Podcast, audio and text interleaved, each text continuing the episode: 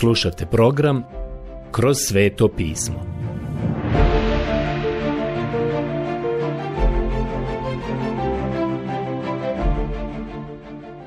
Knjiga Evanđelje po Ivanu. Odlomak Evanđelje po Ivanu, poglavlje 1 od 51. stiha do poglavlja 2 11. stiha. Prijatelji, sada kada nastavljamo naše proučavanje ovdje, vratit ću se na posljednji stih prvog poglavlja Evanđelja po Ivanu. Dakle, još nećemo izaći iz ovog prvog poglavlja. Dugačko je ovo prvo poglavlje, ali i veoma važno. Siguran sam da ste to već do sada uvidjeli. Sjećate se da je Filip doveo Natanaela do Isusa. I onda je Natanael mudrovao govoreći može li doći što dobro iz Nazareta. Evanđelje po Ivanu 1.46 bio je skeptik. Nije vjerovao da išta dobro može doći iz Nazareta. Prije nego što se ovaj intervju završio, Natanael je priznao da je Isus Gospod, sin Božiji, kralj Izraela. Moj prijatelju, to nam otkriva da je nešto veoma dobro i važno došlo iz Nazareta. Gospod Isus je tada manje više ukorio Natanaela, odgovorio mu i rekao Vjeruješ jer ti rekoh da sam te vidio pod smokvom, vidjet ćeš još više od toga. Evanđelje po Ivanu 1.50 Tako je ovaj čovjek u naredne tri godine vidio mnogo veće stvari, ali ovo je odgovor koji mu je Isus tada dao. Tada nastavi. Zaista, zaista kažem vam, vidjet ćete otvoreno nebo i Božje anđele gdje uzlaze i silaze nad sinom čovječim. Evanđelje po Ivanu 1.51 naš gospod je rekao ovom čovjeku, evo Izraelca u kojem nema Jakova. Sada se naš gospod nadovezuje na ovo i referira se na ovaj događaj u životu starog Jakova kada je kao mladić pobjegao od kuće. Zapravo, morao je napustiti dom. Njegov brat Ezav je bio ljut na njega i htio je da ga ubije. I tako je svoju prvu noć izvan kuće proveo u Betelu. Tamo mu se ukazao gospod i vidio je ljestve koje su bile spuštene sa neba. A po tim ljestvama su se penjali i silazili anđeli. Značenje za Jakova je bilo to da Bog nije izgubio kontakt sa njim. Zapravo, Bog će biti sa njim. Iako je otišao od kuće, i kada je otišao od kuće, on je mislio da je tamo ostavio Boga. Imao je ograničeno razumijevanje i pogled na Boga. Tada je shvatio da će Bog biti sa njim. Sada se naš gospod ovdje osvrće na to i kaže da su te ljestve bile on sam. Sada ćeš vidjeti Božje anđele kako se penju i silaze nad sinom čovječijim. Anđeli su mu služili i anđeli su mu bili podložni. Njemu je dan autoritet i vlast nad anđelima kako bi ih mogao poslati kao glasnike na nebo i da se vrate nazad na zemlju vidjet ćete otvoreno nebo i Božje anđele gdje uzlaze i silaze nad sinom čovječi. I iznad njega on treba vidjeti kako će otac svrha tih ljestava progovoriti prema dole i reći Ovo je moj ljubljeni sin koji mi se dopada. Evanđelje po Mateju 3.17 Ove ljestve su Krist i to je jedini način na koji vi i ja možemo uspostaviti kontakt s Bogom. Gospod Isus je rekao ja sam put i istina i život. Nitko ne dolazi ocu osim po meni. Evanđelje po Ivanu 14.6 On je ljestve. On nije ljestve na koje se penjete, već ljestve kojima vjerujete. One je ljestve na kojem počivate. One u koje imate povjerenje. A to je ovdje veoma važna stvar. Drugo poglavlje. Isusovo prvo čudo na vjenčanju u Kani Galilejskoj. Sada dolazimo do drugog poglavlja, a u ovom drugom poglavlju imamo svadbu u Kani Galilejskoj. I Isus je prisutan na toj svadbi u Kani i ovo je prvo čudo koje je on učinio. Ovdje nam je rečeno sljedeće. Tako učini Isus u Kani u Galileji početak svojim čudesima. Time objavi svoju slavu i njegovi učenici povjerovaše u njega.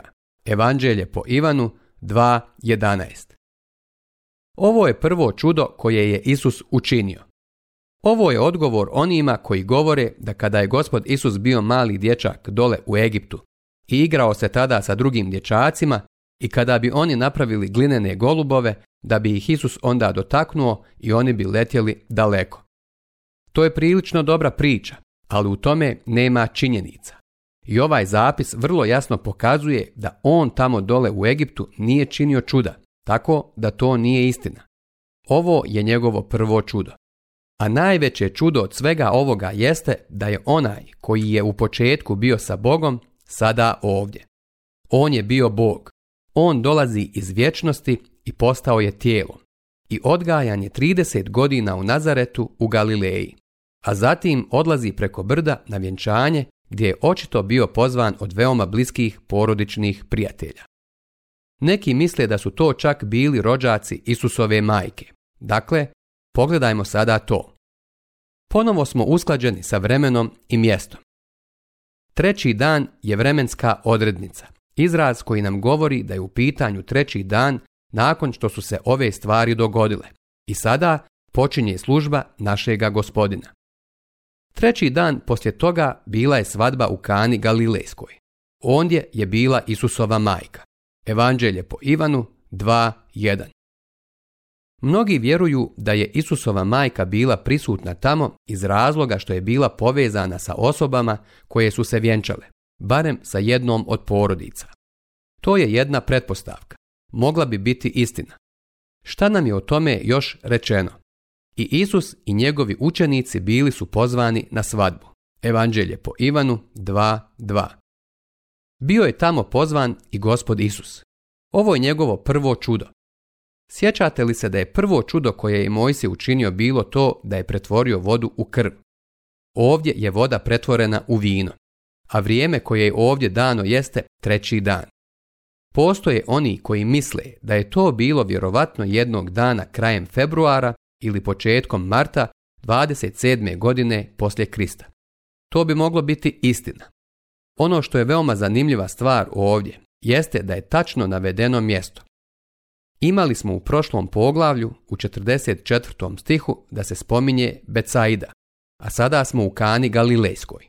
U 12. stihu to će biti Kafarnaum, a zatim u 13. stihu to je Jerusalem.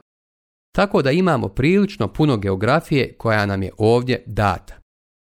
Piše i da je Isusova majka bila tamo. Ona nikada nije nazvana Marija u evanđelju po Ivanu. Nama je rečeno da su Isus i njegovi učenici bili tamo, a sada i ona dolazi i postavlja veoma neobičan zahtjev. Obratite pažnju na ono što mu ona govori.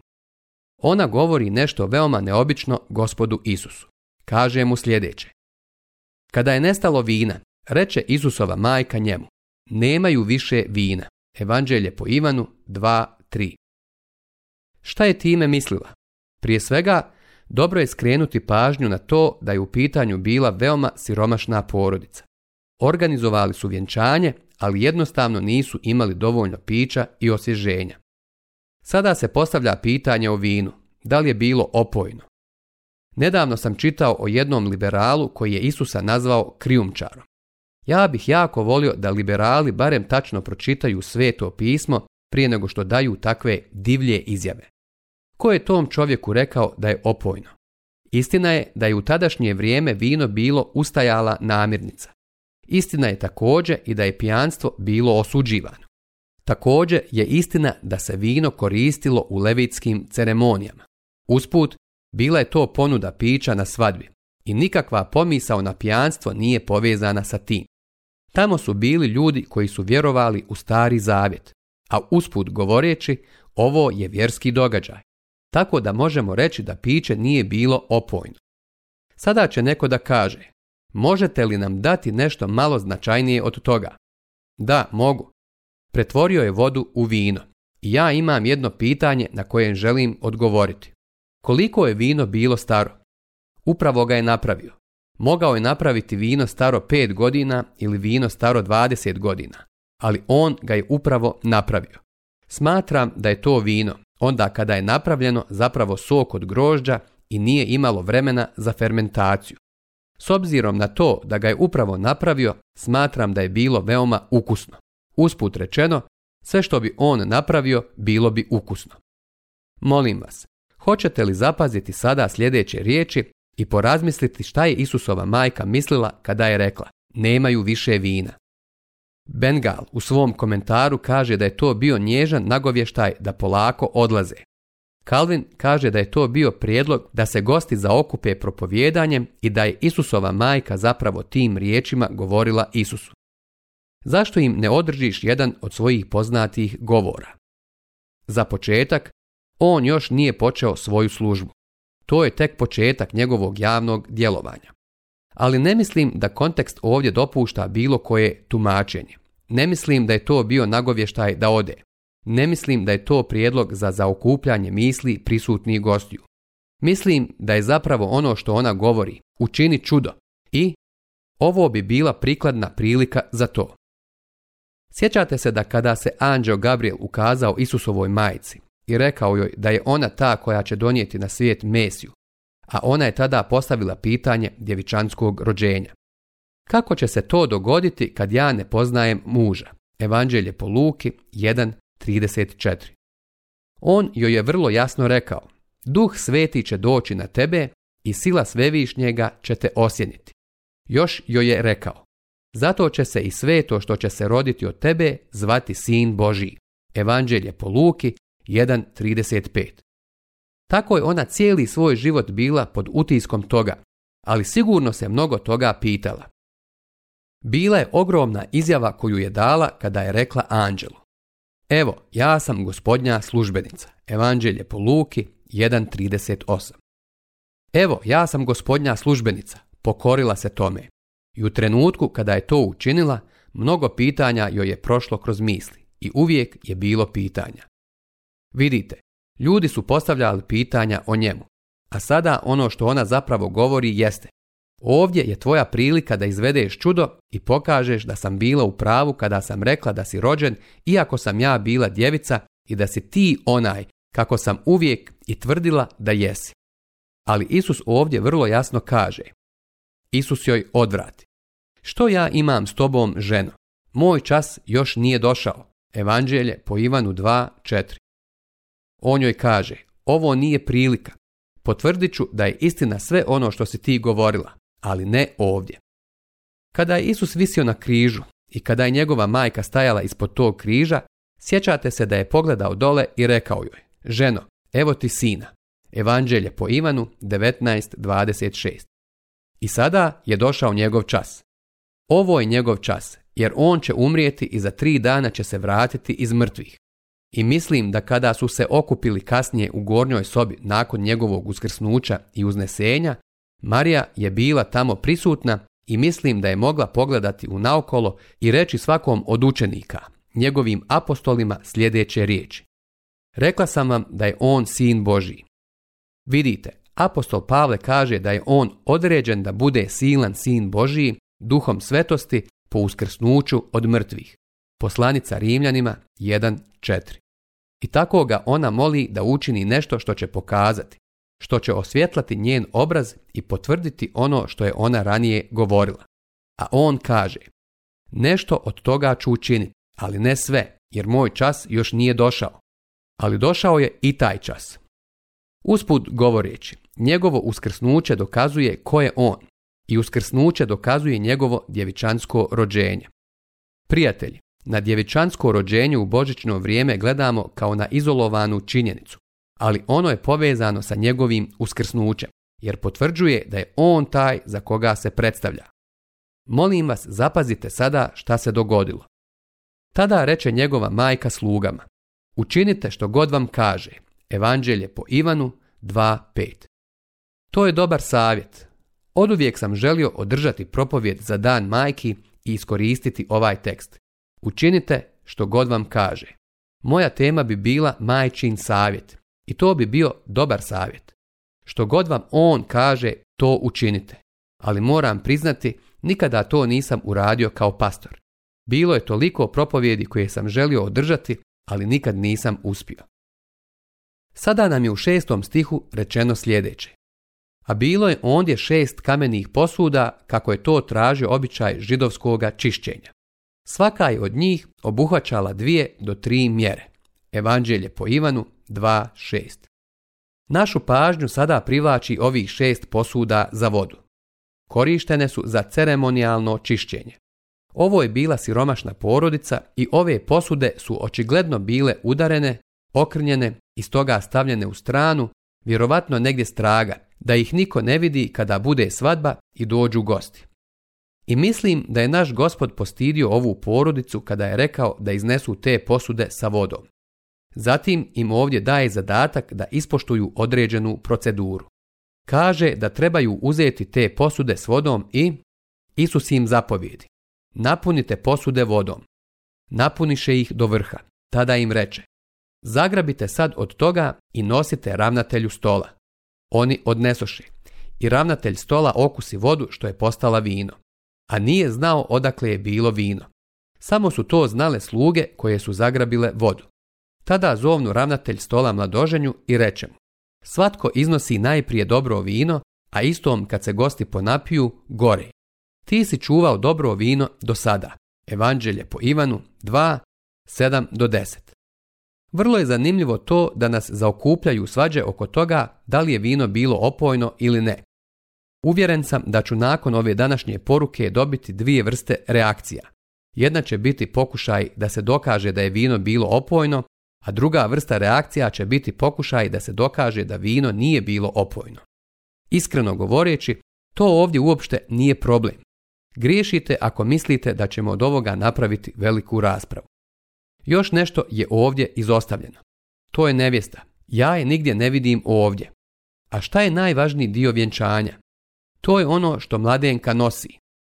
U svojoj službi sam održao mnogo vjenčanja, sigurno nekoliko stotina, i vidio sam mnoge nevjeste kako dolaze do oltara. Vremenom sam naučio da kada se ja pojavim na početku, nikoga posebno ne zanima ko je propovjednik. Nakon toga dolazi mladoženja. Iskreno govoreći, ne zanima ih previše ni ko je on. Jedina koja mu se osmjehuje je njegova majka. A onda Mlada dolazi kroz prolaz između klupa i svi gledaju u nju. A šta je mladenka nosila ovdje na ovoj svadbi? Ne znam. Najvažniji dio ovdje su ove posude za vodu. Prijatelju, evo nečega što mislim da je divno. Vidite, on je uzeo posude za vodu i uzeo ih je prazne, napunio ih je vodom, a onda su poslužili to što je bilo u posudama za vodu. Ja mislim da se čudo dogodilo kada su uzeli vodu i poslužili je gostima. Tada je postalo vino. Mislim da je to način na koji se dogodilo to čudo. Ovdje je velika duhovna lekcija za vas i mene. Znate, on nas danas koristi kao posude za vodu, a mi smo samo udarene, okrnjene posude za vodu koje nisu privlačne. Čini se da ih treba staviti na stranu i prekriti ali on nas želi iskoristiti i želi nas napuniti vodom. Šta je voda? Prijatelj, voda je Božja riječ. On vas želi napuniti vodom riječi Božje. I onda, ako vas on napuni vodom riječi Božje, tada je vi možete izlijevati iz sebe. I kada je izlijete, ne znam kako da objasnim, ali ta voda kada izađe iz vas kao posude i dođe do onih kojima je namijenjena, postane vino radosti, a radost je plod svetog duha. Nama je rečeno u Bibliji i ne opijajte se vinom u kojemu je raspuštenost, nego se punite duhom. Duh sveti uzima tu vodu i onda čini čudo u životu pojedinca. Ne znam kako to objasniti, ali slučajno znam da se događa. Prijatelji, upravo sada imam ovdje na svome stolu desetak pisama koja su nam nedavno stigla od ljudi koji su spašeni samo slušajući riječ Božju preko ovog programa. Ja to ne razumijem u potpunosti. Znam da sam samo stari lonac za vodu i da imam u sebi malo vode riječi Božje.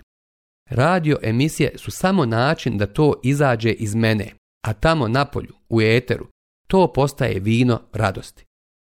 Ne znam kako to objasniti.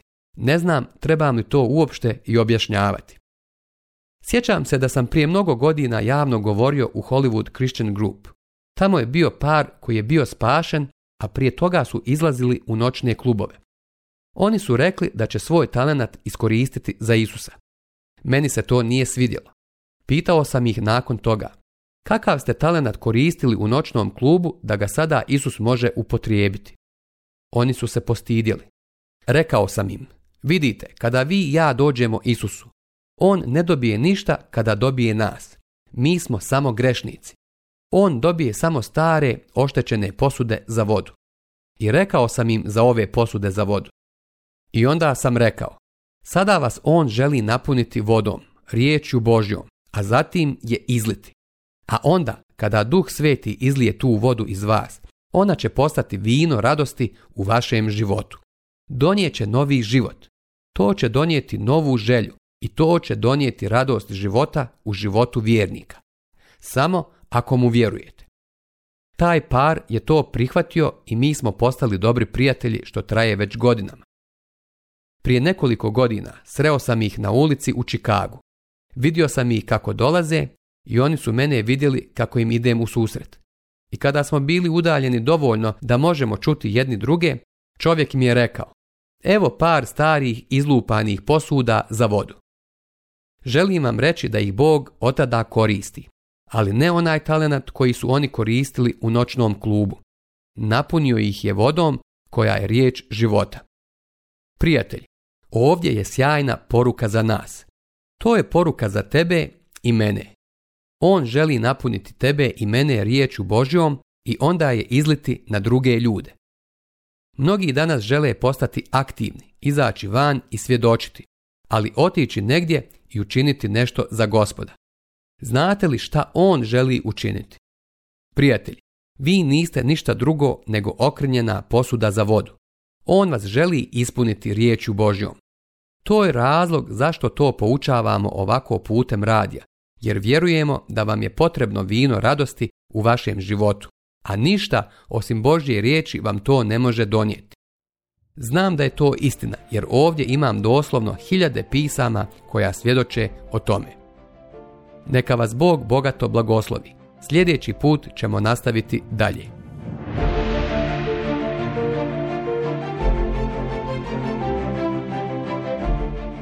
Slušali ste emisiju Kroz sveto pismo. Možete nas slušati i na našem YouTube kanalu putem mobilne aplikacije – te na svim glavnim podcast platformama kao što su Google, Apple i Spotify. Ako vam se naši programi dopadaju, preporučite ih i podijelite s drugima. Budite slobodni da ostavite svoj komentar ili nam pišite na našu e-mail adresu kroz svetopismo.bih at gmail.com Zapratite našu stranicu kroz sveto pismo BiH na Facebooku i na Instagramu Emisije iz ove serije možete pronaći na našoj stranici ttb.twr.org.